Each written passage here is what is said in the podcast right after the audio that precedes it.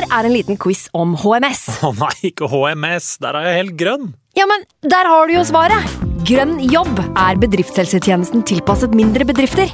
Våre HMS-eksperter hjelper mer enn 8000 bedrifter over hele Norge med alt fra lovpålagte HMS-krav til pålegg fra Arbeidstilsynet. Få på plass bedriftshelsetjeneste på grønnjobb.no. Hallo? Jeg kommer fra Oslo politikammer.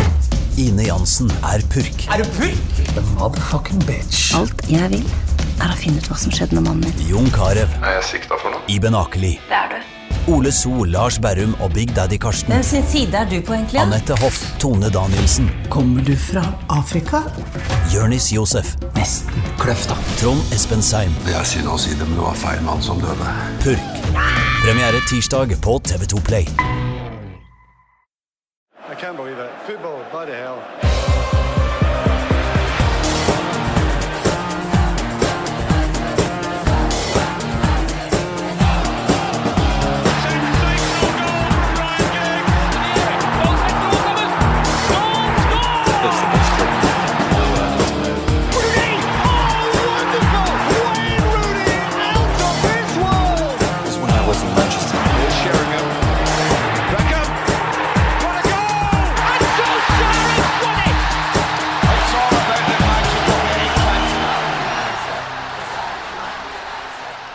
Manchester United har uh, sikra plassen i neste års eh, Champions League. Velkommen til United We Podcast.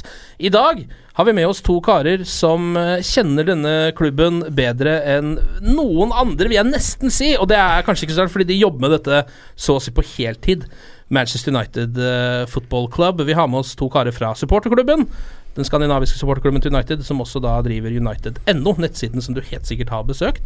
Eivind eh, Brennholt Holt, velkommen tilbake. Takk for det. Du er jo journalist eh, i United.no. Vi har også med oss eh, din sjef, redaktør Dag Langerød. Velkommen til deg også. Takk for det. Det var hyggelig å få lov å komme, spesielt siden jeg da kan begynne å snakke United med den samme mannen jeg snakker United med hver dag resten av året, liksom. Det var veldig spennende gjester. For dere sitter jo deler kontorlandskap, gjør dere ikke det? Og sitter der og tukler med United-stoff dag ut og dag inn. Så nå får du oppleve hvordan vi egentlig har det på kontoret her, eh, Ken. Så Det føles eh, føles ålreit, det, altså. Eh, Vi burde jo i hvert fall eh, ha grei dekning for United-stoff i dag, tenker jeg. Eh, Hvor mye tid er det du bruker på klubben av dag? Eh, jeg tror faktisk, skal være dønn ærlig, og det liker å være ærlig, eh, at jeg ikke nødvendigvis bruker enormt mye mer enn Die Hard-fans. Men poenget er at du jobber med dette her åtte timer på dagtid, og så bruker du tid på kveldstid, men av og til så må du faktisk avreagere. Ja. Og det betyr at om jeg da ser på en serie eller spiller litt PlayStation eller Xbox eller sånne ting altså du må Noen er jo snekkere på dagtid, og så drar de hjem og sitter med United. Mens Ja. jeg sitter med United på dagtid og på kvelden, men du er nødt til å ha noe da, tid av. også, Så det, Ja. det er ikke 24-7. Hvis du først drar opp en runde Fifa, da velger du United med en gang, eller? Vet du hva? Jeg har bare erkjent at Fifa med den gjengen Altså tolvåringer 12-åringer og 14-åringer og sånn, jeg klarer ikke å følge de, og jeg liker å være skikkelig god når jeg spiller det. Så jeg holder meg til football manager og sånn der eh, alene der, da. Ja, jeg ser den, altså. Um, vi har også med oss uh, siste utgave av United-supporteren, Um, som man uh, jo får i posten hvis man er uh, medlem av klubben. Supporterklubben. Blått lys for rød fremtid. Luke Shaw er på coveret. Hva tror dere, da? Er det kjørt, eller?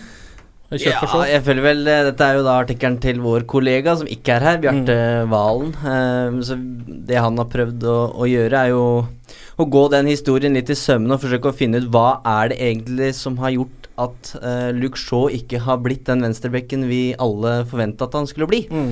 Uh, jeg tror de fleste tenkte at her har vi en venstrebekk som skal bli i klubben de neste ti åra, men eh, det ligger jo ikke i korta. Vi har snakka om det tidligere i podkasten her eh, flere ganger. Ja.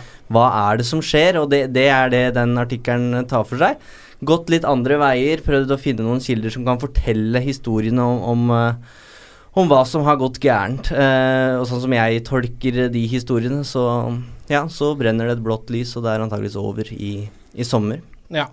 Det er umulig å ikke være enig i det, føler jeg, etter hvordan du har sett det. Og så kan du gjerne like Luke Shaw, du kan gjerne være uenig i måten José Mourinho har behandla på han på underveis, men totalt sett, hvis du har fulgt med godt, så synes jeg at det, du kommer ikke unna at Luke Shaw ikke har tatt vare på de mulighetene han har fått. At han har på en måte kasta bort det talentet han har hatt, eller har.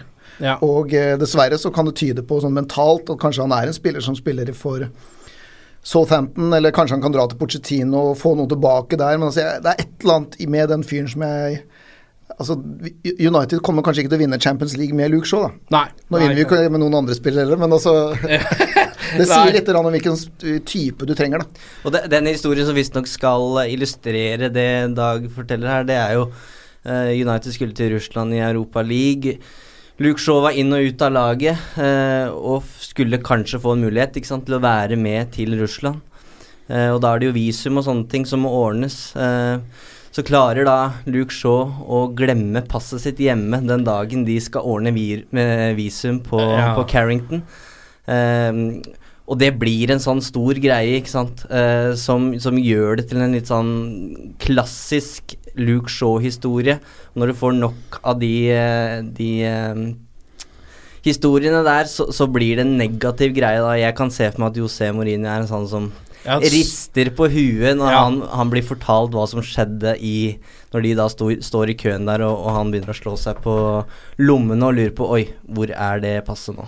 Ja, det er klart at når, du både, når det er en venstreback som både må fjernstyres av manageren din og har glemmer passet når du skal til Russland, så er det kanskje ikke så enkelt å ha med å gjøre. Jeg tenkte også at uh, vi har prøvd å få tak i altså Tidligere, når vi hadde et håp om at Luke Shaw skulle bli bra, så har vi prøvd å få tak i hans fortid. Og Vi prøvde jo da å komme i kontakt med noen lærere på den skolen, for han, han, han fikk vel øh, sitt skolelag til å komme til en semifinale i den store engelske cupen, og det har aldri skjedd før, og det har aldri skjedd siden på den skolen. Men vi fikk aldri noe gjennomslag der. De ville ikke prate med oss, og det, er sånn, det kan være mange grunner til det. Det kan være at du vil være forsiktig med å si noe utad i en engelsk pressehverdag som er annerledes, men kanskje det kan være fordi Luke Shaw er en litt spesiell type, eller at, Ja. på en måte, det er ting som ikke nødvendigvis trengte dagens liga også. Nå vet jeg at dette er kun spekulasjoner, men det blir litt sånn der at når du hører visse ting, så kanskje du legger spekulere spekulerer litt i tillegg da, Mm. på hvorfor er det så vanskelig eventuelt å snakke om den fantastiske skolerønnen eh, som han hadde, og liksom hvor god han var. Da, for det er egentlig bare en positiv sak. Mm. Eh, Før vi går i gang med å snakke litt om eh, Arsenal-kampen, Dag. eh, Hva tenker du om sesongen så langt? da? Nå er det jo snart slutt. Jeg har jo egentlig ment at dette her er ganske bra sesong, da. Og det er jo helt rart, for det uh, Vi ligger på andreplass. Uh, vi kan kanskje ikke vinne et eneste trofé, men uh, Og jeg veit at ah, folk liker eller misliker meg litt pga. hva jeg mener sånn totalt sett, men United har ikke vært i nærheten egentlig på noe siden Sir Alex. Altså Vi har vunnet en cup, og vi fikk jo heldigvis et par trofeer i fjor med Mourinho, men vi har ikke vært i topp tre, altså. Ikke på førsteplass, ikke på andreplass, ikke på tredjeplass engang, siden Sir Alex. Og vi har vært og så sitter folk nå av og til og tenker tilbake på Louis van Gaal til og med, nesten. Og så begynner det sånn der ah, Skulle heller hatt Louis van Gaal enn Mourinho. De som er opptatt av spillestil. Men det var så ræva. Ja, ja, ja. Det var helt håpløst. Og det er et eller annet med den korttidshukommelsen som av og til sitter i. Så da må vi faktisk ta de der stegene som skal til for å nå toppen. Og dette er ikke sånn der, eh, som jeg kaller ofte litt sånn football manager, da, at eh, søk, google en god taktikk og kjøpe tre spillere, og så vinner du alt, liksom, med Stabæk. Eh, Det er, det er ikke sånn det funker. Du må ta steg i det andre gode laget også. Så vi, jeg mener dette er en ganske god sesong, også uavhengig av FA Cup-finalen. ja. For vi har kommet til FA Cup-finalen. Om vi vinner eller taper den, det ville være veldig bra eller veldig skuffende den dagen. Men totalt sett så er vi liksom Hvis vi ender på 85 poeng eller sånt, da, 84 eller 86, eller i hvert fall 80 poeng eller mer, og score mer og alt, alle disse tingene som Mourinho sjøl har snakka om, og som jeg sjøl har messa om i disse mine tanker, da, så, så må vi ta det nå. Men, og det er et sånn kjempemenn her, og det er at det som er en bra sesong i år, vil ikke være en bra sesong igjen nødvendigvis neste år eller året etter. Nei. Dette handler om utvikling, og det Ja. betyr at neste år, hvis vi nå får noen 80 poeng, så veit jeg at vi kan ikke slå City hvis de får 100 poeng hvert eneste år. Men vi må bli bedre. Om vi da blir nummer to igjen neste år, da, så må vi kanskje da må vi spille litt bedre igjen. Da Og så Da må vi vinne disse her eh, 4-0 eller 5-0 av og til. og litt sånn, altså så Det handler om disse små stegene hele veien, og jeg føler at de stegene, de har vi tatt. da. Og Nå snakker jeg på inn- og utpust, men altså Ja. Utvikling er viktig, og utvikling har vært i forhold til hvor vi er. Men det som er bra i år, er ikke nødvendigvis bra neste år. Nei, for du forventer framgang for hver sesong. Eh, ganske store steg for hver sesong, egentlig. Om ikke store steg, så i hvert fall for det til slutt, så når du får 86 poeng, da. Altså, det, hva det var for noe her om dagen? Vi kunne ha vunnet ligaen med det ti år i Premier League-historien. Ja, ja. Så er det ikke nødvendigvis så det er så lett å komme opp på over 90, men det, jeg kan garantere at det er ikke noe så veldig mye lettere for City å få 110, da. Mm. Så det sannsynlige er jo at de kanskje mister noen poeng, og da er spørsmålet klarer vi å bli bedre. Ja. Eller faller igjennom og Mourinho blir sparka og alt det der eh, dommedagsgreiene. Men så lenge pila peker der, da, på de tingene som er målbare, så føler jeg at da må man på en måte la denne mannen her få lov til å styre skuta videre. og Det er derfor jeg har sagt at det verste som kan skje, er egentlig at du skulle finne på bare tanken på å bytte manager. Altså, og de alternativene som vi snakker om, er jo egentlig managere som ikke har vunnet noe. altså Pochettino, som jeg har kjemperespekt for, gjort en fantastisk jobb med Tottenham. og Det er kanskje ikke mulig å vinne noe med Tottenham, da, men en eller annen cup innimellom, da! altså det er de, kan, de, de svikter jo på det. og hva er det Mourinho, Hvor mange semifinaler i finaler taper han? Og så ser du på Tottenham, da. Som burde kanskje vunnet ligaen den gangen i året Leicester vant, og som Mm. burde kanskje hadde en gyllen mulighet til å ta United nå. Så. Men igjen, inn- og utpustlangere. Nå må du la Ked og Eivind snakke. Men er du, er du enig, Eivind, at uh, uavhengig av hvordan det skal gå i FA-cupfinalen, så vil du karakteriseres som en god sesong? Ja. Ja. Jeg er helt enig, veldig enig i det. Mye av det Dag sier, det er ikke alltid vi er enige, men akkurat her så er jeg enig. Jeg har sagt det før i podkasten òg, at jeg tror mange supportere har mista litt eh, perspektiv på veien her fra, fra van Gaal til Mourinho. Hadde du sagt at vi skulle stå med, med to cuptriumfer i Europaligaen og, og ligacup og være i finalen i FA-cupen, og andreplass nå to år seinere, så tror jeg de fleste ville tatt det på stedet. Jeg tror ikke det er mange som ville sagt at nei, det er ikke godt nok. Eh, det var resultater som var viktigst, og det, det har han innført. Eh, selv om det kanskje ikke har gått så fort som, som det mange hadde håpa. Eh, men for å ta en litt sånn glidende overgang til Arsenal-kampen, så, så syns jeg det illustrerer litt av problemet, fordi eh, Mourinho graver liksom graver ut et resultat med Fellaini av alle, alle som, som matchvinner. Men det illustrerer også liksom problemet som, som vi opplever under Mourinho. Da. Han møter et svekka Arsenal-lag som kun antageligvis tenker på den kampen i Madrid. Eh, men klarer ikke å levere da, som favoritt. Mm. Eh, angrepsfotballen går i stå, selv om de får en god start med, med en 1-0-skåring. Og det er jo det vi har sett gjentatte ganger, både forrige sesong og den her, at de sliter med å bryte ned antatt svakere motstand. Det er ingen klar plan i angrepsspillet. Eh, og selv om selv om det er veldig deilig å vinne på sånn Ferguson-vis, som vi har gjort et par ganger nå mot Crystal Palace og, og med overtidsskåringa nå mot Arsenal, så klarer jeg liksom ikke helt å glede meg over det. For jeg, jeg sitter med den skuffelsen da i 80-90 minutter på at liksom åh, Hvorfor kjører vi ikke over det Arsenal-laget her? Hvorfor tar vi ikke større risiko? Hvorfor, hvorfor glitrer ikke Sanchez i den kampen her hvor han skal på en måte Mm. vise seg fram mot, mot gamle kjente? Og, så inn mot neste sesong så er det eh, det området Altså, ja, som Dag sier, vi må ha bedre resultater allerede neste sesong. Vi må vise utvikling. Men først og fremst så må det synes på banen. For United kan ikke ha Kan ikke vinne på en dårlig dag hver eneste helg.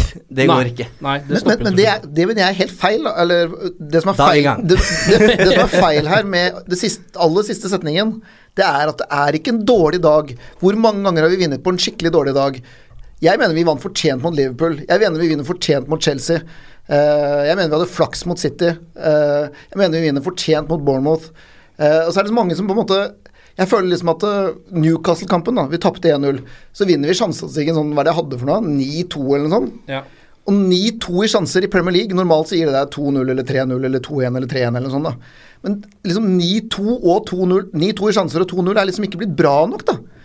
Det er en eller annen sånn greie om at alt skal liksom bare være Vi skal spille som City og ikke tape mot Wiggen sånn som de gjør, eller vi skal spille som Liverpool, men vi skal samtidig slå Stoke over West som de ikke slår. Så det er sånn, Ja. Forventningene er liksom sånn ekstremt høyt oppe, og jeg mener at det er urealistisk. Naivt å tenke på det, for vi vi, vi har vært skikkelig dårlige. Ja. Men, men, men glem angrepsspill, da. Vi snakker ikke om angrepsspill. Og jeg mener ikke at United skal spille som City eller Liverpool. Det er heller ingen forventninger om under Mourinho. Men jeg er overraska over at United ikke klarer å kontrollere kaoset som ofte oppstår. Som mot Sevilla, som mot West Bromwich og som mot Arsenal nå. Og jeg tror nesten hvilket som helst lag United hadde møtt eh, møtt eh, mot, altså, mot Arsenal da, den, den dagen, så hadde det laget fått mye rom. Det var enorme rom. Mkhitaryan hadde jo flyplass flere ganger der, og det, det var nesten bare et tidsspørsmål før de skulle få inn en goal. Og er det én ting jeg hadde forventa mot det Arsenal-laget, så er det at de holdt nullen. Ja. Eh, og det klarer de ikke. Så det handler ikke bare om, om angrepsspill og spille feiende flott fotball, men at ikke Mourinho klarer å skru til det, det forsvarsspillet og, og kontrollere kamper som han gjorde som Chelsea-manager, det bekymrer meg litt. Men samtidig så er det En og jeg er ikke helt enig her. Så, så der sitter vi på kontoret hver eneste dag. Altså, eh, se på Bayern München mot Real Madrid. Eh, Dette, dette programmet er blitt tatt opp på onsdag. De spilte i går. Eh, Vi snakker om verdens beste lag, antageligvis, Real Madrid. Altså, de leder, vinner 2-1 borte, leder 2-1 hjemme, skal jo bare drepe den kampen. De har null peiling på hvordan de skal gjøre det. Så selv de beste lagene i verden klarer jo ikke det du snakker om. det er sånn. Og jeg, er enig i at Sevilla-kampene, øh, spesielt bortekampen, men også for så vidt hjemmekampen, der var trøblete. Men altså Arsenal de har, det er en, de har egentlig ingenting etter pause, med unntak av at Herrera og Maters bestemte seg for i. Så de har, de har null ting etter pause, og hva er det egentlig det David Gea måtte gjøre før pause? Det var, det var jo masse fine sånne liksom oppbyggende angrep på Arsenal, men altså ingen skal komme og fortelle meg at det her var at vi ble feid av banen og West Bromwich. altså på en måte alle lag, det, det Problemet er at vi er jo bare Vi er gode, men vi er ikke så gode. Derfor så taper vi irriterende nok mot Sevilla. Derfor så taper vi mot West Bromwich, men så vinner vi ti av de andre elleve kampene, da. Og det, men så er det liksom det som åh, Jeg blir sliten av det, for det, vi vinner seks kamper, da.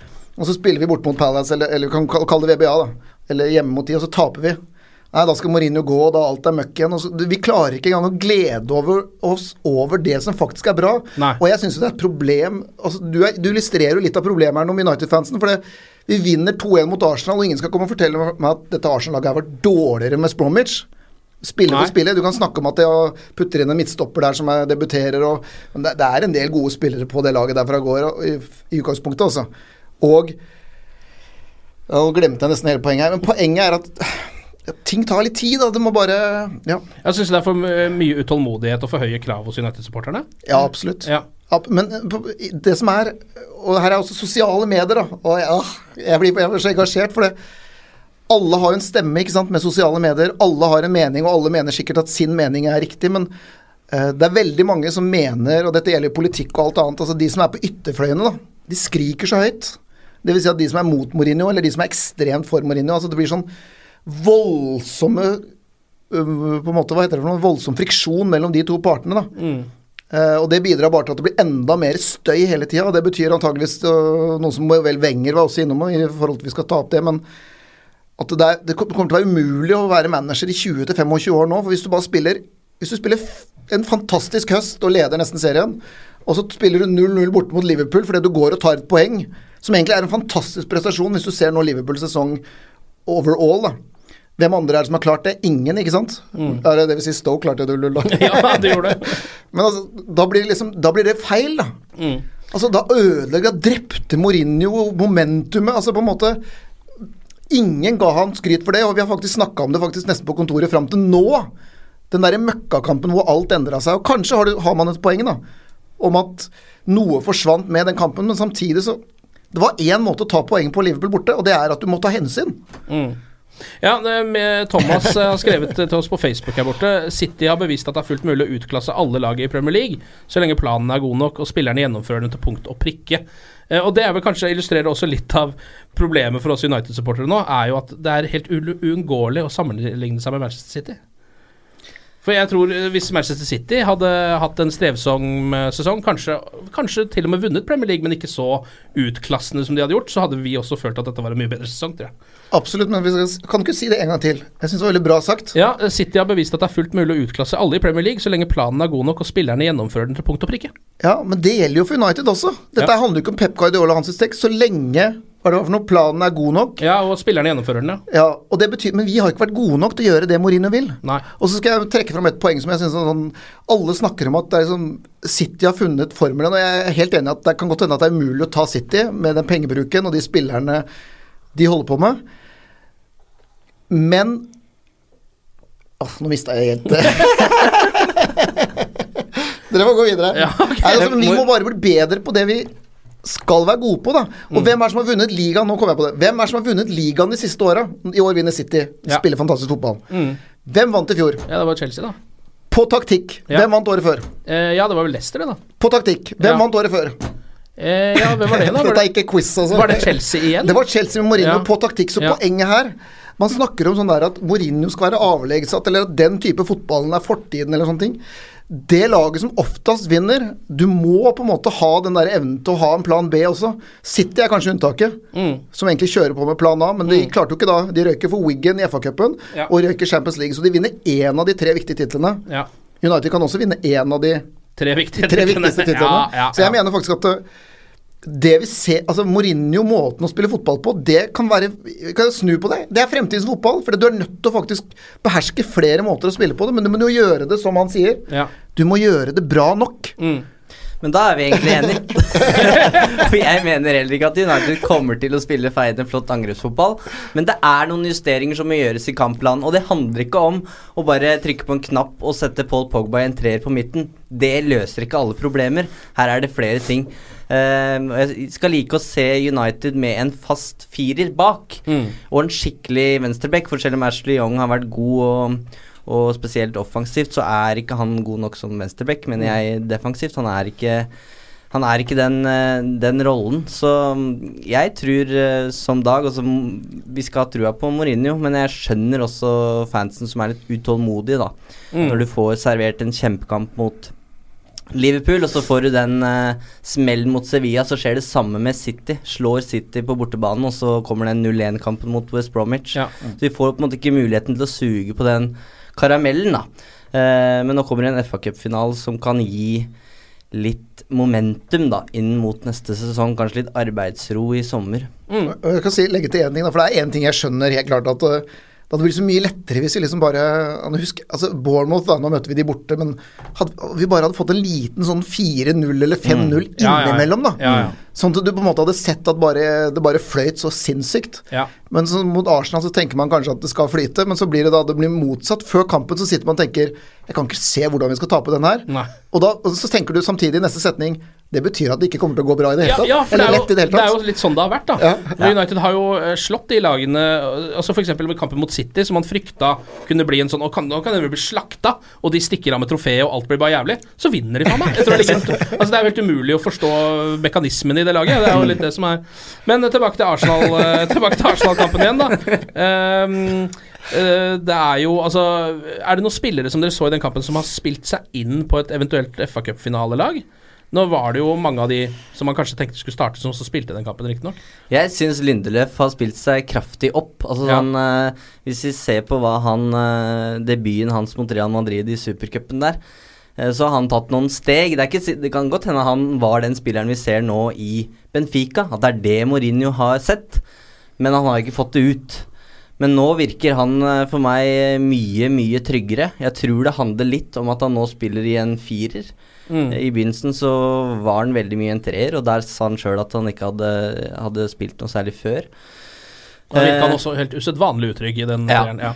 Og så har han nok blitt naturlig nok eh, litt varmere i trøya etter hvert som tida har gått, men eh, han syns jeg er den desidert beste stopperen vi har med ballen i beina. Ja. Og så er det spørsmål da om det er den type stopper Mourinho vil ha i finale eh, mot Chelsea. Det er Mm. ikke sikkert, og det har vi jo sett tidligere at da har gjerne en av de andre litt eldre blitt prioritert da i de storkampene. Mm. Det er jeg helt enig i. Men jeg, når laguttaket mot Arsenal kom, så så jeg på det og så sa jeg der, det er ti av de der kommer til å starte FA-cupfinalen. Ja. Og det er du- det du er inne på, ikke sant. Kan f.eks. Antony Marcial eh, ha gitt Morino noen spørsmålstegn rundt f.eks. Lingard og Sanchez, da. Ja. Jeg klarer ikke helt å se det, da. Og det er, og det handler, men det handler jo litt om den generelle vurderinga du har gjort over tid der. Fordi um, Stuart Mathisen, som har kommet med et innlegg nå etterpå på united.no i dag, han skriver jo at det er Han har starta med åtte av de samme spillerne i alle disse kampene United har vunnet mot Tottenham, Liverpool, eh, Chelsea og City nå. Og det er den gjengen som du så starta mot Arsenal, er egentlig den gjengen som er blitt Mourinhos menn. Ja. Og Lingard er ofte altså, Han som ikke har vært så god i det siste, eller i noen av kampene i hvert fall, han er ofte god på Wembley. Mm. Han har levert for Mourinho i storkamper før. Og så har du Sanchez, som man kan mislike det, helt åpenbart, men Sanchez er inne på laget pga. de kvalitetene man vet kanskje kan komme, og pga. arbeidsinnsats Ja. eh, sånn generelt, da. Jeg klarer ikke helt å se at den mentaliteten og det forholdet mellom Mourinho og, og Martial, hvordan han har fremstått At det, han skal plutselig stole på han og ta ut Sanchez en sånn kamp, det klarer jeg ikke å se. Og Derfor så er det bare egentlig spørsmålet er det du er inne på med hvem blir Mac-makkeren til Smalling. Ja. Og jeg ville normalt også vært helt enig med deg der om at Lindeløf mot West Bromwich, mot Arsenal svekka, ja.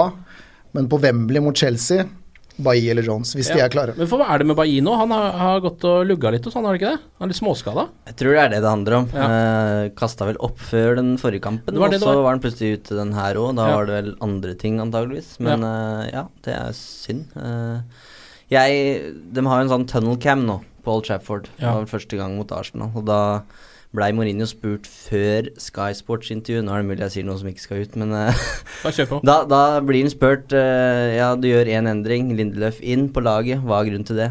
Skade, sier han da. Så det, jeg antar at Det handler vel om Phil Jones, men jeg antar at både han og Bailly er Ja. utilgjengelig på pga. skader. Jeg syns i hvert fall det virker som Mourinho har um, setter Bailly uh, som en av de to faste. Ja, eh, jeg tror også Antony Marcial var kanskje den eneste som kunne ha spilt seg inn på det laget for da sannsynligvis Lingard, vil jeg jo tro. Men eh, det han viste mot Arsenal, var i hvert fall ikke spesielt imponerende. Da hadde han jo også Jeg føler at det bordet var egentlig dekka for Antony Marcial, litt da han kom inn der, på en måte. Fordi eh, United hadde da tatt over litt av kampen. De skulle vinne den kampen, de kjørte på. Og han fikk altså så mange muligheter til å utfordre fra den venstrekanten, uten at han egentlig fikk til noen ting. Oi. Da er vi enige. Og da er dere enige, men jeg er fullstendig uenig. Er du det? Og nå kan det nesten vært Hvis det er faktisk folk som ser på dette her, og det Ja, er vel kanskje Det kunne vært interessant om noen faktisk skrev inn hva var Martial god eller, Ja. eller mindre god, da, eller eh, sånne ting, mot Ja. Arsenal. For jeg Altså Vi snakker jo ofte sånn poeng for kampen og sånn. Jeg er vel nesten sånn at Hvis jeg skulle gitt poeng, så ville jeg kanskje gitt poeng til Pogba, fordi han nesten sto bak det ene som Vi skjedde skal, vi skal bli poeng. Ja. Og så ville jeg vurdert Fellaini og Martial, for jeg føler at de bidrar til at kampen fullstendig endrer bildet de siste 25 minuttene. Ja. Og Martial kunne fått uh, flere Det var Martial som sendte tvers over til Smalling, som skjøt i lufta der, uh, blant Ja. annet. Og, og jeg syns faktisk at han gjorde mye bra. Oh, ja, okay. Og så jeg var jo helt uenig med spillebørsen til Eivind Holt på supporterklubbens side. Ja, ja. Og tenkte bare søren at ikke jeg fikk lov å sette børs i dag. og, og så syns jeg litt synd på Martial, som da mista et poeng eller noe sånt. For det, det også, da. Men jeg syns faktisk Martial tok vare på sjansen. Han tok ikke vare på sjansen mot West Bromwich, men nå var han bedre, fordi han har så ekstremt nærteknikk da, Ja. og finteregister. Så det på en måte, og det, jeg syns at det bidro til faktisk at vi vant. Uten han så tror jeg ikke vi hadde slått. Men, men han setter Forsvaret litt sånn i beredskap. Når han får ballen, så er han veldig tydelig på at jeg skal være direkte og gå mot mål. Men jeg er enig med Ken. Han får muligheten til å gjøre det flere ganger, og han prøver. Men det ender jo ikke i noen ting. Så når man ser på høydepunktene fra, de kampen, så, fra den kampen, så er det ikke noe martial. Fordi det ender ikke i målsjanser, det ender ikke i farligheter. Han mister som oftest ballen. Og For meg så er ikke det da en positiv involvering å forsøke å drible noen. Det skal han gjøre. Ja, jeg syns ballen ofte endte opp hos Ashley Young etter at han hadde prøvd å komme seg forbi. Endte opp å spille støtte, men nå er det faktisk eh, Gaute sier her Martial klarte ingenting. Han hang med hodet og jobbet dårlig. Jens Robert sier Martial var bare ok. Ja, Eh, så det er det du- Gaute. Men det er en som skriver Robert. God er den som skriver Svein Rune. Så det er litt uh, delte meninger om Antonio Marcial, tydeligvis. Vi kan, jeg, kan- kan jeg også bare si én ting der? Mm. Fordi jeg føler det Nå er det to mot én, men jeg vil faktisk utligne ja, ja, men jeg vil faktisk utligne og gi meg litt, som litt mer rett enn dere. Jeg føler at José Mourinho er på mitt lag. Mourinho sa at alt sammen ble avgjort fordi de klarte å komme seg høyere opp i banen, skaffe seg frispark og cornere og dødballer og sånne ting. Og alt det skjedde på venstresiden med Martial, og også ved hjelp av Ashley Young, som på en måte øh, fikk bedre Ja. kontroll utover der. Ja, ja. ja. Nei, men det, altså, jeg, jeg, jeg tror eh, Mourinho Langere mot øh, Ken og Eivind, det blir 3-2. Ja, Mourinho får en ekstra stemme i denne sammenhengen. Men eh, da kan vi jo også dele ut poengene, da. Det er jo eh, tre poeng til Uniteds beste, to til den nest beste og ett poeng til den tredje beste United-spilleren. Har du lyst til å begynne, Eivind? Ja, jeg gir i hvert fall ikke tre til Martial. Det Nei, eh, jeg gir tre til Lindeløf. Jeg, jeg Ja. syns han var god, og jeg syns både er synd eh, Han var vel involvert i baklengsmålet på en måte, men det er jo Matic, eh, Herrera som klumser det til, og så syns jeg det er Smalling som nøler der, så så ja, veldig god med ballen i beina, bortsett fra rett etter avspark i andre omgang. Da har han en fryktelig ja. variant der. Um, to poeng gir jeg til matchvinner Fellaini. Syns han kommer inn og viser at han kan bringe en ny dimensjon til angrepsspillet til, til United. Ja, det der Ja. gjør han jo gang på gang, det der. Ja, og har en sjanse før skåringa. Og så kan si mye om Fellaini, men at han, han bringer noe til torgs, det er ikke noen tvil om. Og så gir jeg ett poeng til uh, Pogba, jeg. Og det er egentlig litt sånn eh, på grunn av de langpasningene han har til bekkene, både til Valencia og Young, Ja. spesielt i første omgang. Det er, er Beckham-klasse over, Ja, over det der. Det er vakkert å se på. Det var det eneste Rooney drev med de siste to månedene før han forlot United. Så var det liksom det hver gang kommer kom de, så var ah, han kan fortsatt slå en ball. Det Ho- Hollywood-crosser Ja. Det hørtes ikke så veldig hyggelig ut for Pogba å bli sammenligna med Rain Rooney siste halvåret i United. nei, nei, men det er, akkurat der er de gode begge to. Eh, Hva med deg da, Dag? Hva, Teller alt, eller legger du sammen dette? Alt blir lagt sammen, ja. Altså Alt blir lagt sammen, altså de poengene jeg gir, de teller faktisk. De teller. Ok, men Da har jeg hørt hva han sier, og jeg er for så vidt egentlig helt enig, men jeg vil gi tre til Pogba, kanskje. Ja. Eh, og så gir jeg to til Fellaini, og så gir jeg én til Antony Park. Ja, det er litt bra. sånn for å spre det ut, selv om jeg syns Lindløf gjør en bra kamp. Og så syns jeg faktisk at Ashley Young også faktisk bidrar til at vi vinner den kampen den siste. For det blir et helt annet trøkk offensivt. da Og det er jo egentlig de siste 25 minuttene er jo egentlig de eneste minuttene som man kan si er godkjent. Ja. ja. Eh, ja, han, han har jo også en assist til Fellaini, Young vel, så han får jo den der, Den innleggsfoten hans er jo fortsatt uh, veldig høy klasse på. Det er det jo ikke noe tvil om. Um, det var, altså, da man så Arsenal-oppstillinga, så var det jo én person som pekte seg ut på det laget. Uh, som både den beste spilleren på det laget og en tidligere United-spiller, nemlig Henrik Mkhitaryan, og han skårte selvfølgelig. Det følte jeg var sånn Det visste jeg. Når jeg så at han skulle spille, så visste jeg at han kom til å skåre. Det er så typisk. Voldsom forsoning der etterpå. Ja. Det var både med Mkhitaryan og Sanchez og Wenger og alle sammen var bare veldig godt humør, virka altså. Ja, det var jo en, altså sånn, eh, For oss som har sett de gode, gamle United-Arsenal-kampene, så var jo det her litt sånn rart Ja. å se på. For det var liksom Arsen Wenger kommer inn der, han blir tatt imot av både Mourinho Mourinho drar han i jakka for å få han bort til Sir Alex. Og så er det trofeer, eh, og det er, alle er venner, og det er liksom det er, Ja, hva, hva er det som har skjedd? Jeg tenkte, hva er det som har skjedd de siste 10-15 årene? Det sier jo litt om hva som har skjedd med oppgjøret, da. Ja. Eh, Jeg føler nesten at vi prøvde å trolle Wenger litt der. hvor vi liksom dro, dra han ut, han skulle sette seg, og så kom, var det Mourinho som dro Ja. han ut. Og, og det var litt sånn, litt sånn halvslemt, da. Ja. Og, så, og så liker jeg ikke det der i, gardero, nei, i spillertunnelen på vei ut, der liksom alle skulle liksom gå rundt. Det gjelder jo Sanchez også litt, det der alle skulle klemme på hverandre. Det liker jeg ikke. Men det etter kampen, det syns jeg er ålreit, da. Du så faktisk at jeg så Lindeløf, han smilte litt lurt når han kom bort til Miktarian, men jeg syns det er greit så lenge vi har vunnet. Ja. hadde, vi, hadde vi tapt 2-1 mot Arsenal her, eller sånn, eller driti ut og bare spilt 1-1, Ja. Da, da, da, da hater jeg det hvis de skal liksom gå bort og være kompiser med dem selv om du kjenner dem fra før av. Da får du ta det på bakrommet. Ja. Det handler om den der signaleffekten, altså, Ja. som du sender. Så syns jeg, bare for å ta det kort, da, mottagelsen av Wenger, det var mye snakk om det i forkant, og jeg syns den var veldig fin.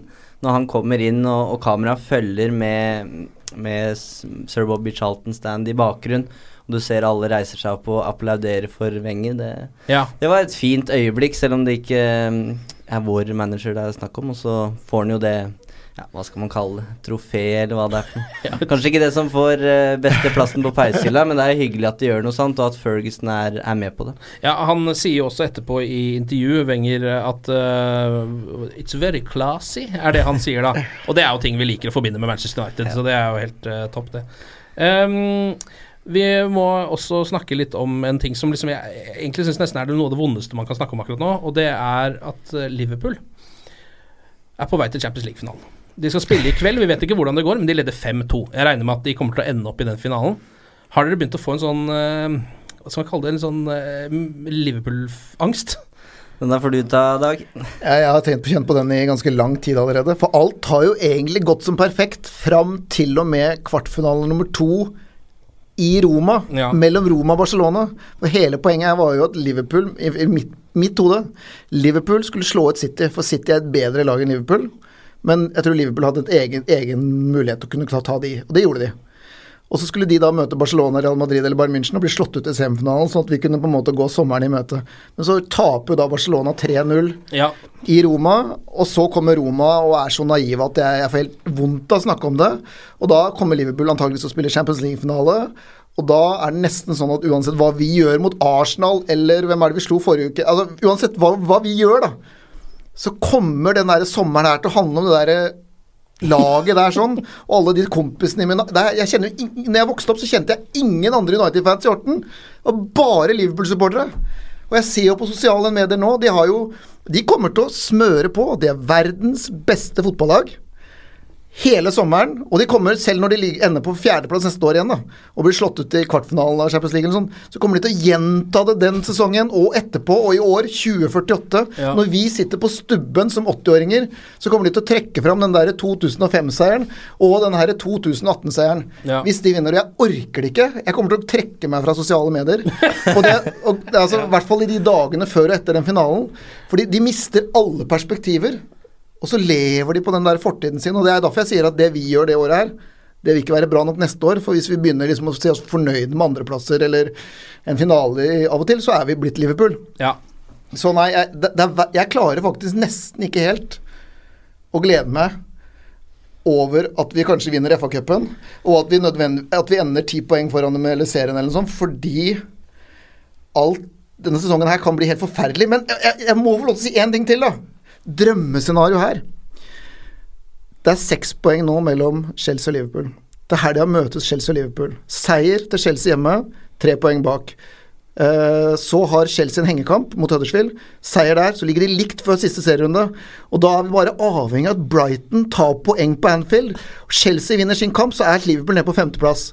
Og så kommer Cristiano Ronaldo i Champions League-finalen og redder oss. Og så er dette her blitt en fantastisk sesongavslutning med FA-cupseier mot Chelsea også. Ja, nå må vi faktisk Altså nå må vi bare stole på Cristiano. Uh, nå må vi stole på eh, vår, eh, vår gamle gud Cristiano Ronaldo. At han kan ordne opp i dette for oss. Det er det eneste halmstrået jeg føler at vi sitter på her. Beklager altså for folk, for dette er United-podkast, men jeg, for meg da, som Manchester United-fan, så føler jeg den, den suksessen de har nå eh, så lenge Det på en måte Det er greit nok at de spiller bra, så lenge de i tillegg av og til spiller uavgjort mot Stoke og Bromwich og er dårligere enn oss og taper mot oss og bak oss. Ja. Men med en gang de liksom er i ferd med å vinne et av de to største trofeene, syns jeg det jeg, jeg merker jeg- det skikkelig stressa. Jeg tror det er veldig mange som føler det på samme måten, Dag. Eh, altså Jeg også har litt sånn Det er en liten bismak på den FA Cup-finalen for meg også, men det hadde vært enda verre hvis jeg ikke var der heller.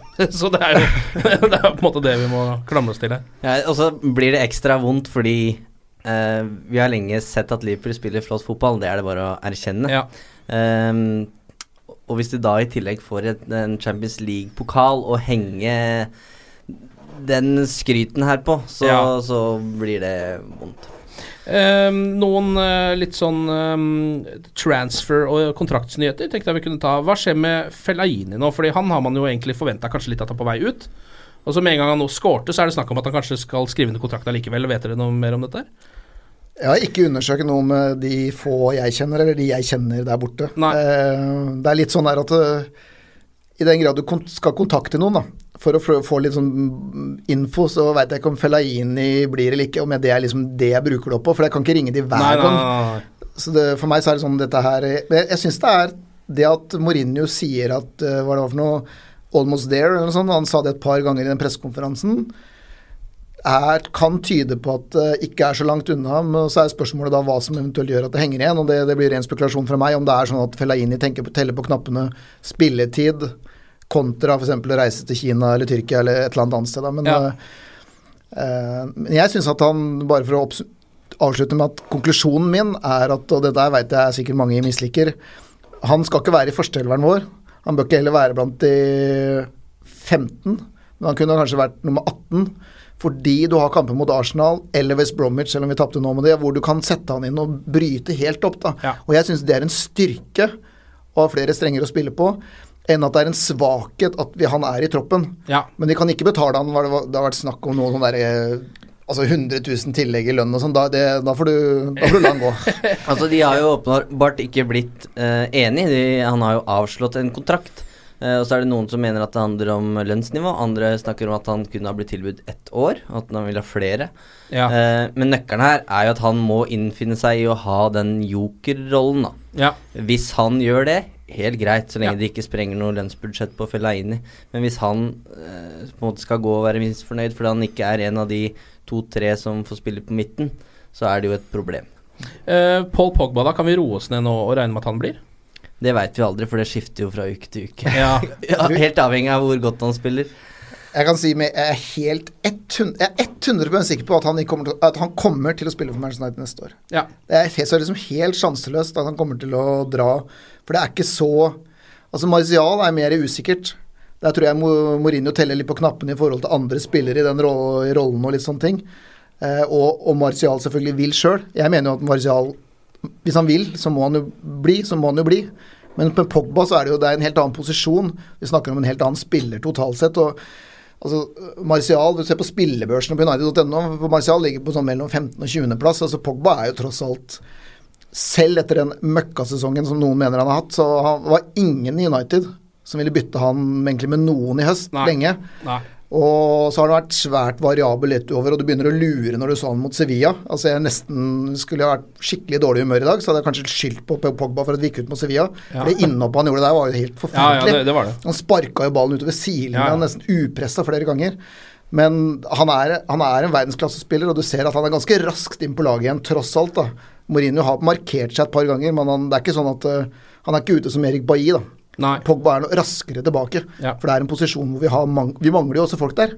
Skal du kvitte deg med Pog nei, Carrick, Fellaini og Pogba? Ja, nei, Altså, det, går- det går ikke. Jeg er helt sikker på at han blir værende, jeg også. Eh, og det stormer litt, og det kommer han alltid til å gjøre rundt de største stjernene. Og aviser og medier kommer alltid til å skrive når det er noe å skrive om Pogba. Ja. Eh, og nå har det vært litt den siste tida, men så fort han begynner å levere, så blir det snakk om ny kontrakt. Det er jeg helt sikker på. Martial har vi jo snakka litt om før også. Der har det jo vært uh, mye snakk om at han skal bort. Juventus har blitt nevnt. Nå så jeg også nå sist i en eller annen ryktespalte at Chelsea ble nevnt som interessert i uh, Antony Martial. Det vil jeg helst ikke se. Ikke England, men han, kan, han kommer jo til å være fant uansett hvor han går. Så lenge vi selger han bare ut Han kommer jo til å bli en knallspiller, du veit jo det. Han kommer til å blomstre, ikke blomstre, men han kommer til å være veldig god i Serie A. Han Ja. kommer til å være veldig god i La Liga. Ja. Og det er det som er litt, sånn litt kjipt, da. Mm. Eh, så jeg håper bare at han finner ut at vet du hva, Sanchez er 29. Uh, han kommer ikke til å holde til evig, og at han er en type som kan gi oss noe annet. Og ha litt grann tålmodighet. Han Ja. klarer den kampen der, og konkurransen er Rashford og Lingard, egentlig. Ja. Litt grann tålmodighet. Du ser jo det på hvor god han kan være på sitt beste. Og så er bare spørsmålet kanskje litt om det at han er egentlig en Fangal-spiller eller, eller litt sånne ting, men han må lytte til Mourinho, og så gjør du ditt egne ting inni alt det der du lytter til. da. Ja, ja. Bare vær litt smart, og så kan du spille for United i mange år, men er litt redd for disse, akkurat som med Pogba og agenter, og du Det er noen spillere som får veldig mye informasjon fra om at de kanskje ikke er bra Altså, skal du være her, og vil du være der? Og som er kanskje de er prega av at de kan dra andre steder og tjene mer penger, og agenten kan få penger. Og, Mm. Så man håper han bare har det i huet sitt, altså at han Ja, for der må det vel være en tålmodighet som egentlig ligger eh, litt hos han. Fordi det, han får vel ikke den derre fast plass i elveren hos United og hos Mourinho hver kamp. Det får han nok ikke, sånn som det er nå. For så, det beviser han jo heller ikke at han fortjener hele tiden. Så liksom der, jeg føler at det ligger både hos Mourinho, som på en måte må være tålmodig med en ung spiller, men egentlig tålmodigheten føler jeg ligger hos Martial, som føler at han skal spille hver kamp nå. Og det kan jeg jo på en måte forstå, når man er ung og, og driftig og jæskla god, da. Og så er han utrolig god når United vinner 4-0. Når det ligger 0-1 Ja, ja. og virkelig trenger Martial, så er det veldig sjelden at han er en av de som, som tar tak og viser seg fram og kan snu en kamp. Da. Han var jævlig god når vi spilte var 1-1 i helga også. Han var helt grei. Han var, han var helt ok. Uh, Stian eh, lurer også på Hei, skal dere snakke om overganger? Ja, nå driver vi jo litt med det, da. Uh, hva tenker dere om Dybala og Grismann? Det er jo to spillere som ofte blir nevnt. Jeg har jo har vel argumentert tidligere her i podkasten om at det kjøpet er gjort Ja, med Alexis Sanchez, at vi nå slipper, sier jeg, da. Uh, for jeg syns det er slitsomt å forholde seg til de sagaene gjennom hele sommeren. Men eh, jeg tror ikke det blir snakk om noe Dybala eller, eller Grismann eh, i sommer. Eh, jeg tror Grismann ender i Barcelona, og jeg tror Dybala blir i Juventus. Har vel ikke hatt sin beste sesong Nei, der, så jeg, det er mitt tips, i hvert fall. Ja. Ja, Jeg vil, det eneste jeg kan si der, er at øh, hvis Martial forsvinner, så kommer ikke United til å ikke gjøre noe offensivt heller. Jeg tror jo at fokuset er sentral midtbane og, og eventuelt forsvarsrekke, da. Men uh, Men snakker Hvis- vi ikke da en type Perisic, om det ikke blir han, men en litt mer ja, jeg tror ikke venstre. Da tror jeg på en måte han må bare erkjenne at det med Mata og Lingard og det å bruke de an- altså venstrekantene på høyrekanten har ikke funka. Så jeg tror kanskje at det han må se på balansen. da. Det er i hvert fall det jeg mener han ville skulle gjort. Mm. Men det er helt klart at Per Perisic Det hadde vært fantastisk om han hadde vært der, for jeg tror han er noe helt annet enn det Altså, de hadde hatt. En, en som jobber hjemover også, altså sånn som Jesse Lingard har et alternativ til han på høyrekanten. En som kan spille i de storkampene fordi du veit at han tar de løpa hjemover. Ja, jeg bare har en slags følelse av at Mourinho var så opptatt av Perisic fordi han trodde han skulle spille med en trebekslinje uh, og to sånn wingbacky-aktige kantspillere. Og det har han jo gått bort ifra nå, virker det som, sånn fullstendig. Så jeg bare vet ikke om Perisic fortsatt er på blokka hans. Nei, jeg tror kanskje ikke Perisic nå, for han var vel var det ikke Skrev en ny, ny kontrakt også. Ja. Ja, så, men jeg, sånn som med Dybala, da, bare sånn, jeg har ikke noe tro på at han kommer til United, selv om jeg synes han jeg rater han veldig høyt. da. Men hvis Martial da, hadde endt skulle dratt til Juventus, så er jeg ikke ute etter at, å få 60 millioner pund eller noe tilbake fra Juventus. Jeg vil jo da i så fall ha Alexandro Ja. eller noe tilbake. tilbake. sånn at og at eksempel hvis det hadde vært Dybala altså Hvis det hadde vært kommet så langt at Dybala hadde på en måte sagt Juventus at jeg vil bort fordi det er mer penger og, og United tross alt verdensmessig er en større klubb. Ja. Uh, så må United betale noe imellom. Men altså det er, vi snakker om så ville overganger at det er, Ja, hvis ikke du har hørt noe om det, så kommer det aldri til å skje. Men det er bare sånn Det er ikke noe vits å kvitte seg med de beste spillerne uten at du er sikker på å få spillere tilbake, for penger har vi. Ja. Eh, Gaute har et spørsmål her borte som jo er Det pløyer ganske dypt, egentlig, og er kanskje ikke så lett å svare på, men vi kan ta det. United bruker også enorme mengder på eh, spillere, altså summer, eh, sånn som City gjør. De siste årene. Um, det virker som City er heldig med sine kjøp og får det til å fungere maksimalt, mens det gjør ikke United. Hva er det United gjør feil? Og Det vet jeg ikke om dere sitter og svarer på, men det der er Ja, for det, det er jo noe Det har vi jo tenkt på flere ganger. Vi begynte jo å tenke på det rundt da Di Maria kom, liksom. Eh, og så kom Iketarian inn, og så har vi nå Ja, Pogba, ok, han gjør det greit. Ja, Sanchez, ja, ok, ok. Eh, har dere noen tanker om det? Mange vil nok si at det er eh, Altså at det ikke er en sportsdirektør i klubben som er, eh, som er årsaken. Eh, Hvorfor det, eller hva, forklar hvorfor det er et problem. Nei, altså det, det man får med en sportsdirektør, er jo en mer eh, langsiktig og på en måte gjennomgående filosofi på når det gjelder Eller strategi, da, på overgangsmarkedet. Så du ser jo, for å ta Um, Altså I utlandet så er det jo flere klubber. I Tyskland så er jo det her veldig vanlig. Altså man har et sett med en, en filosofi som man skal følge, og så handler man inn uh, spillere etter den filosofien. Og så henter man også trener etter den filosofien. Ja. Mens i United så har det jo blitt Altså David Moyes kom til klubben, han ville ha Fellaini, han ville ha Mata. Og så kommer Louis van Hall og kjøper sine. Og så kommer Mourinho og skal ha sine. Så Ja. jeg mener jo i bunn og grunn at uh, en manager i United i dag er faktisk fullstendig uh, ansvarlig for kjøpet han gjør. Ja. Så hvis Mourinho henter en spiller som ikke fungerer, så er det i bunn og grunn hans ansvar. Mm. Uh, selvfølgelig så ligger noe av det på, på spilleren sjøl også. Uh, men å forklare Angel Di Maria det, Kom vel til klubben på et ganske uheldig tidspunkt, og, og var vel ikke helt klar for det sjøl, virka det som. Han var i hvert fall ikke klar for å bli rana, eller Nei. at noen skulle rane huset hans. Det var han ikke klar for. da stakk han jo med en gang. Når det gjelder Mourinho, så jeg, jeg argumenterte ganske lenge for at han egentlig traff har treffet bra på mange av signeringene. Eh, altså Bailly, jeg syns fortsatt Pogba er en eh, god spiller. Lukaku gjør det meget bra. Så kan Ja. du si Henrik Mkhitaryan. Eh, det var et bomkjøp, det er det ingen tvil om. Eh, og resignering av Zlatan, kanskje, men sånn Ja, men det var jo heller ikke et bomkjøp sånn. Hvis man Nei. ser på den sesongen, så var han jo dritviktig. Nei, så jeg, jeg syns United da treffer, jo Sanchez er det altfor tidlig å, å felle noen dom over. Eh, eh, men ja, så spørsmålet var vel sammenligninga med City. Eh, vet ikke om vi skal gå i dybden på det, men, men de har jo forberedt seg da på at Guardiola skal komme i flere Ja. år, og, Ja. og faktisk kanskje også kjøpt spillere som de veit at han ville ha Ja. til klubben før han kom, så Ja. hvis jeg skal si en ting der, så er det vel bare å innrømme, tror jeg, at eh, teamet med Pep Guardiola er veldig dyktige på spillerutvikling. Ja. Altså Og jeg tror kanskje at de er flinkere på det enn José Mourinho. Det betyr ikke at jeg tror nødvendigvis at José Mourinho har mindre sjanse til å kunne ta han, men det er to forskjellige typer. Eh, så jeg tror bare vi må erkjenne at Guardiola er en fantastisk trener. Han var mitt førstevalg også opprinnelig, før han valgte City, til United. Ja. Han har, han har eh, Alle lagene han har spilt, spiller jo sånn Nei, har trent, har spilt på den måten. Og så skal det sies at han har trent Barcelona, Bayern og Altså, han har ikke gjort som Mourinho gjort, tatt det med- tatt det med Porto Å, og tatt det nei, med Inter, ikke sant. Men er- jeg tror du må både gi Guardiola og hans team mye ros her. Og så, men så går jeg tilbake til at jeg er litt uenig i premissen her, da, på at vi, som dere er inne på, at det, det er ikke helgrått alt med spillekjøpen, og du må også ta med ned med alder her litt. Også Lindeløf var vel ikke 23? Jo. Eh, Bailly hadde liksom én sesong bak seg fra å si, Ja, henta fra. Afrika til Spanjol, og så var han i ett et, et, altså Veldig raskt opp til toppen. Mm. Så at det varierer litt. Og Lukaku til og med. Vi, vi sitter jo her og snakker om at Lukaku egentlig har Det er mange som mener han egentlig har hatt en dårlig sesong. Og nå har han riktignok ikke skåra i to, to kamper på rad, da, men han ender kanskje på 30 mål. da. Man kan nesten ikke si at det er dårlig, altså. Ja, men noen altså, det, er, Ja, det er som jeg ja. sier, sosiale medier er så mye støy, Ja. så noen mener det. Da, så jeg, men jeg syns på en måte Mkhitaryan ble en hel bom. Eh, men jeg syns egentlig ikke at Altså, du må Lindeløf det, er, det var et kjøp, om du, alle skjønte jo det når Lindeløf kom, at det var liksom ikke Det var ikke Kilini, liksom. Nei, nei, nei. Så ting tar litt tid, da. Mm. Tålmodighet igjen. Eh, United har jo hatt en egen prisgalla eh, nå, så hvor de har del, liksom, gitt litt heder og ære for sesongen som har gått. Kan ta de prisene de har delt ut, da. Sir Matt Busby Player of the Year, det ble David De Hea. Ikke så overraskende, det blir jo alltid David De Hea.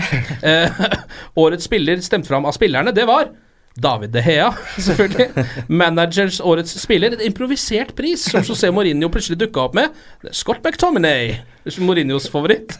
Hva er det han har tenkt når han har delt ut det? Er det bare sånn Han var den som overraska meg mest av at han kunne spille på dette laget, eller hva? Vi snakka litt om det i stad. Eh, det, er- det er ikke helt van Gaal-nivå, som jo uh, kuppa det ene prisgallaen der for noen år siden på en fantastisk måte. Han kan jo ikke ha vært klar over at det her ble sendt ut live. Men uh, Jeg savner han litt, altså. Når det er akkurat de det tingene er- der var han god. det er litt artig med at du har en manager som på en måte kan dra et S opp av ermet og på en måte være litt artig. Ja. Uh, nå var nok ikke det hensikten til Mourinho. Jeg tror hensikten enkelt og greit er at han skulle vise verden. Han så her en mulighet til å vise verden at uh, Scott McDominay, det er min gutt. Han har jeg fått fram. Ja. Ingen visste hvem det her var. Nå har jeg på, på egen hånd dyrka fram talentet i han, så jeg tror han er kynisk som bare det. Og mm, ja, rett og slett skal eh, vise fram sin egen McDominay. Og, og, han, og så sier han jo uh, i ettertid da, at uh, han syntes det var fryktelig at United skulle dele ut to priser til liksom unge spillere. Og så skulle ikke McTominay få en av de bare fordi han er på førstelaget. Ja. Fordi de to andre prisene som du ikke har nevnt ennå, Ja, ja. det gjelder jo U23-laget Ja. og U18-laget. Ja. Så, men en flott gest, og nei da, tommel opp eh, fra meg, altså, men jeg tror som sagt det ligger en baktanke. Men også litt sånn at han egentlig har delt ut pris til seg selv, fordi han var så god på spilleutvikling. Eh, Jeg skulle, lik, jeg skulle likt å vært kona til Mourinho, egentlig. For det er sånn derre Er han så kynisk, som Eivind er inne på? Eller er det han på en måte det, det jeg ville kanskje tenkt, er normalt at eh, han vil på en måte gi en ekstra spore til videre innsats til Scott McTominay. Da, Ja. og for, altså han gjør det på en måte for Uniteds beste og klubbens beste, og, og at det er et sånn signal der. Eller om han sitter der hjemme sammen med kona, altså, så, som kunne vært meg, da, og forteller liksom at eh, Du vet han er Scott McTominay, da- nå har jeg fortalt hele verden at, jeg, at, han, at han er så kynisk, da. Jeg tror det er en blanding, altså. Jeg tror det er, jeg tror det er en blanding. Eh, også som du var inne på, Eivind, eh, Youth Team Player of the Year, det var Tati Chong. Eh, og så var det da eh, Reserve Team Player there, Demi Mitchell. eh, årets U23-spiller der, da. Årets mål, Nemanja Matic. målet mot Crystal Palace borte. Det var jo en nydelig mål. Men er vi enige i det? Eh, jeg, når jeg så det opp mot de andre nominerte, som vel var Rashford sitt Liverpool-mål og ikke sist. Valencia mot Everton. Ja, den ja. suseren i krysset. Ja, den er også grei, altså. Så er det Ja, nei Det kommer an på om man skal se på målet i seg sjøl, altså se hvor fint målet er, eller om man, man skal ta med i betraktning eh, hvor viktig det var. Eh, om Ja. det var overtidsmål på Sellers Park f.eks., så skal jo det selvfølgelig bety noe. Men Ja. jeg, eh, ja, den suseren til Valencia syns jeg er den vakreste skåringa. Ja, nei, ja, jeg, jeg føler litt at man kan legge den derre Dette var jo tross alt en, eh, altså en kampavgjørende scoring, på en måte, helt på slutten. Så Det teller litt, det òg, for meg. altså.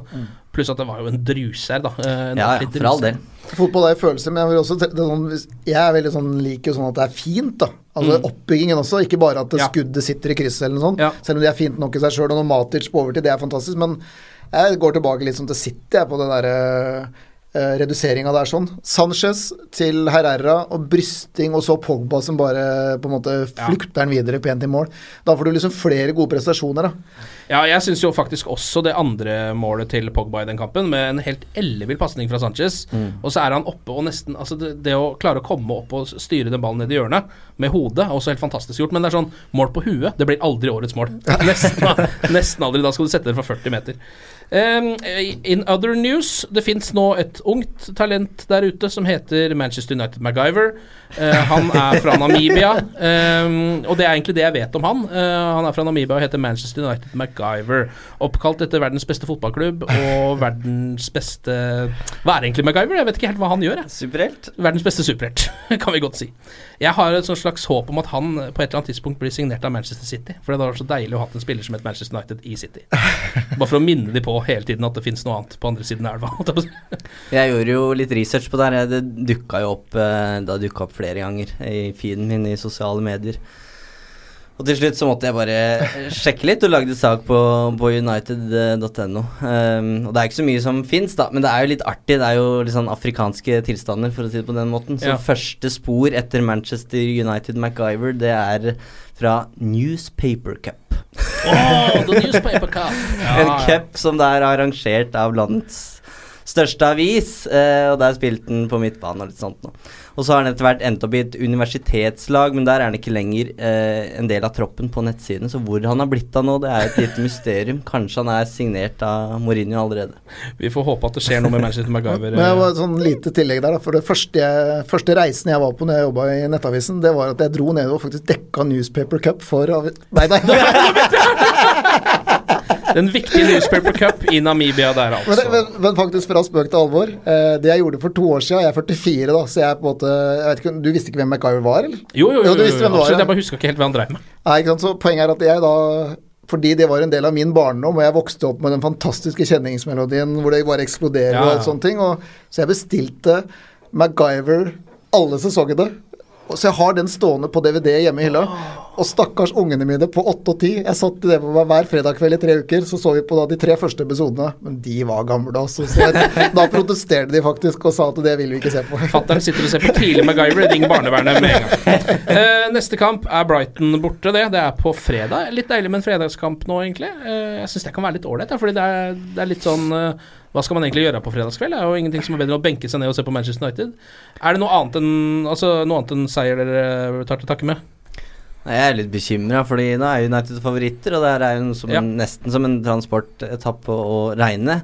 Eh, Mourinho snakker stadig vekk om den andreplassen, og at det er viktig. Jeg klarer ikke helt å tro på det.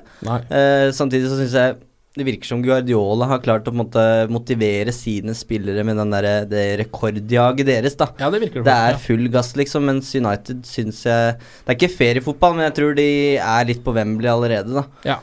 Men, Men, tror du det eh, blir en sånn ny kamp med eh, altså han, at han kjører inn noen folk som må overbevise for å prøve å komme inn på et eventuelt førstelag? første lag? Ja. Jeg forventer jo egentlig kanskje Det er jo nå fredag, og så er det neste torsdag igjen, faktisk. Mm. Eh, og så søndag. Og jeg forventer kanskje at den torsdagskampen eh, før siste runde, eh, den er kanskje blir kanskje mer variabel Eller Ja. endringer i spillematerialet, da. Ja. Men jeg syns det kunne vært interessant hvis han nå hadde begynt med Kanskje han hviler Lukaku for det pga. smellen. Han spiller jo hele tida. men kan han hvile han, eller kunne f.eks. Sanchez stå over et Burde han gi Martial sjansen fra start? Altså Bare for å se, liksom gi de ordentlig muligheten, da. Mm. Og så enten så overlever du, eller så går du under, da, og da blir det Sanchez og Lingard og Lukaku på, på, på Wembley. Apropos Lukaku, det er ikke noe trøbbel Det er ikke nok trøbbel med han til at han ikke kommer til å spille på Wembley. Så skada er han ikke. det som blir sagt, er at han blir klar til finalen. Og så Ja. er spørsmålet hvor mange kamper han eventuelt står over før den tid. Ja. Men uh, jeg fikk inntrykk av på søndag at Mourinho er rimelig, var rimelig tydelig på at han skal ikke spille mer den kampen her. Vi risikerer ikke Lukaku, så jeg tror hvis han sier at han er tilbake igjen på trening på torsdag, Mm. så tror ikke jeg han spiller den fredagskampen. Nei. Eh, denne podkasten United Podcast gis ut i samarbeid med United.no. Gå inn på United.no. Eh, og Der kan du melde deg inn i supportklubben hvis du ikke har gjort det allerede. Eller så er det jo bare eh, masse journalistikk om Manchester United.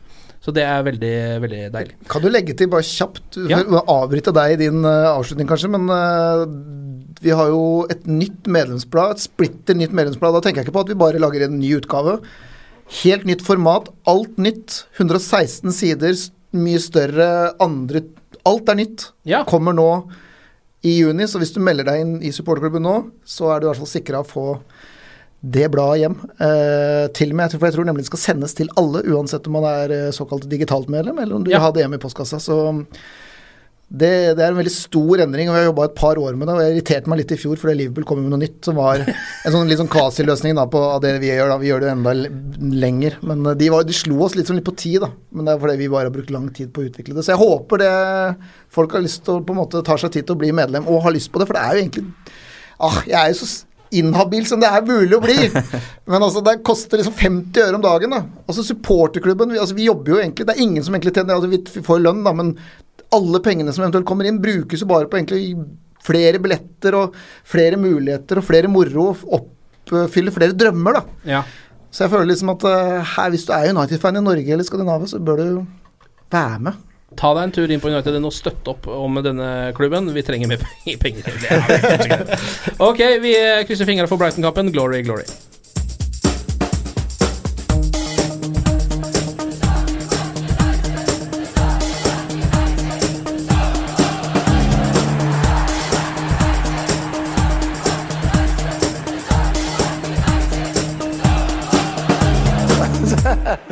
It's true. I've seen many things. Ukens annonsør det er matkasseleverandøren Hello Fresh. Der kan du velge mellom 25 ulike oppskrifter hver uke, eller få Hello Fresh til å sette sammen en meny for deg. Jeg sparer tid på å handle, oppskriftene er veldig enkle å lage, og så får jeg akkurat det jeg trenger da, til hver eneste rett, så jeg slipper å kaste så mye mat som jeg vanligvis gjør. Det er også litt deilig å faktisk slippe å gå på butikken, ikke bare fordi det er tidkrevende og sånn, men fordi man ender opp med å kjøpe så mye greier som man egentlig ikke trenger, sånn som fire poser eh, Smash og en kick med havsalt, eksempel. Det er ikke det du egentlig er der for, du er der for å kjøpe, kjøpe middag. Så det er en veldig eh, kjekk ting. I tillegg så er det jo eh, ferdigporsjonerte ingredienser, det blir mindre matsvinn, og du betaler bare for det du faktisk trenger, og det du faktisk da spiser. I tillegg så blir det da levert på døra til et eh, fastsatt tidspunkt, sånn at du kan få det akkurat når det passer for deg eh, sjæl. Hvis Hello Fresh høres ut som noe for deg, så har jeg en rabattkode du kan bruke også. Gå inn på hellofresh.no og bruk koden HelloUnited24. HelloUnited i ett ord, også 24, og få opptil 1779 kroner i rabatt på de fem første matkassene dine hvis du ikke har prøvd Hello Fresh ennå. Du kan også bruke koden hvis du tidligere har vært kunde, men har stoppa abonnementet ditt for tolv måneder siden eller mer. Det er ingen bindingstid, og du kan pause eller avslutte abonnementet ditt akkurat når du selv måtte ønske. Husk koden HelloUnited24, og bon appétit! Ukens annonsør er Folio, en smartere banktjeneste for deg som har en egen bedrift eller ønsker å starte for deg selv. Folio er en superenkel nettbank for bedrifter. Som kunde i Folio får du en bedriftskonto med et bedriftskort og app. I denne appen er det smarte løsninger som forenkler regnskapet ditt, uansett om du har en liten bedrift eller et enkeltpersonsforetak. Folio er både intuitivt og brukervennlig, og er laget med et enkelt språk. I tillegg tilbyr de forutsigbare priser og ingen skjulte gebyrer. Skulle du likevel trenge det, så kan du snakke med deres raske og hyggelige kundeservice, og der får du prate med en faktisk person og ikke en chatbot. Folio er med andre ord både enklere og koseligere enn banken. Over 10 000 bedrifter har allerede valgt Folio som sin banktjeneste, så besøk folio.no og se hvordan Folio kan forenkle din hverdag også. Har du et enkeltpersonforetak eller en liten bedrift? Da er du sikkert lei av å høre meg snakke om hvor enkelt det er med kvitteringer og bilag i fiken, så vi gir oss her, vi. Fordi vi liker enkelt. Fiken superenkelt regnskap.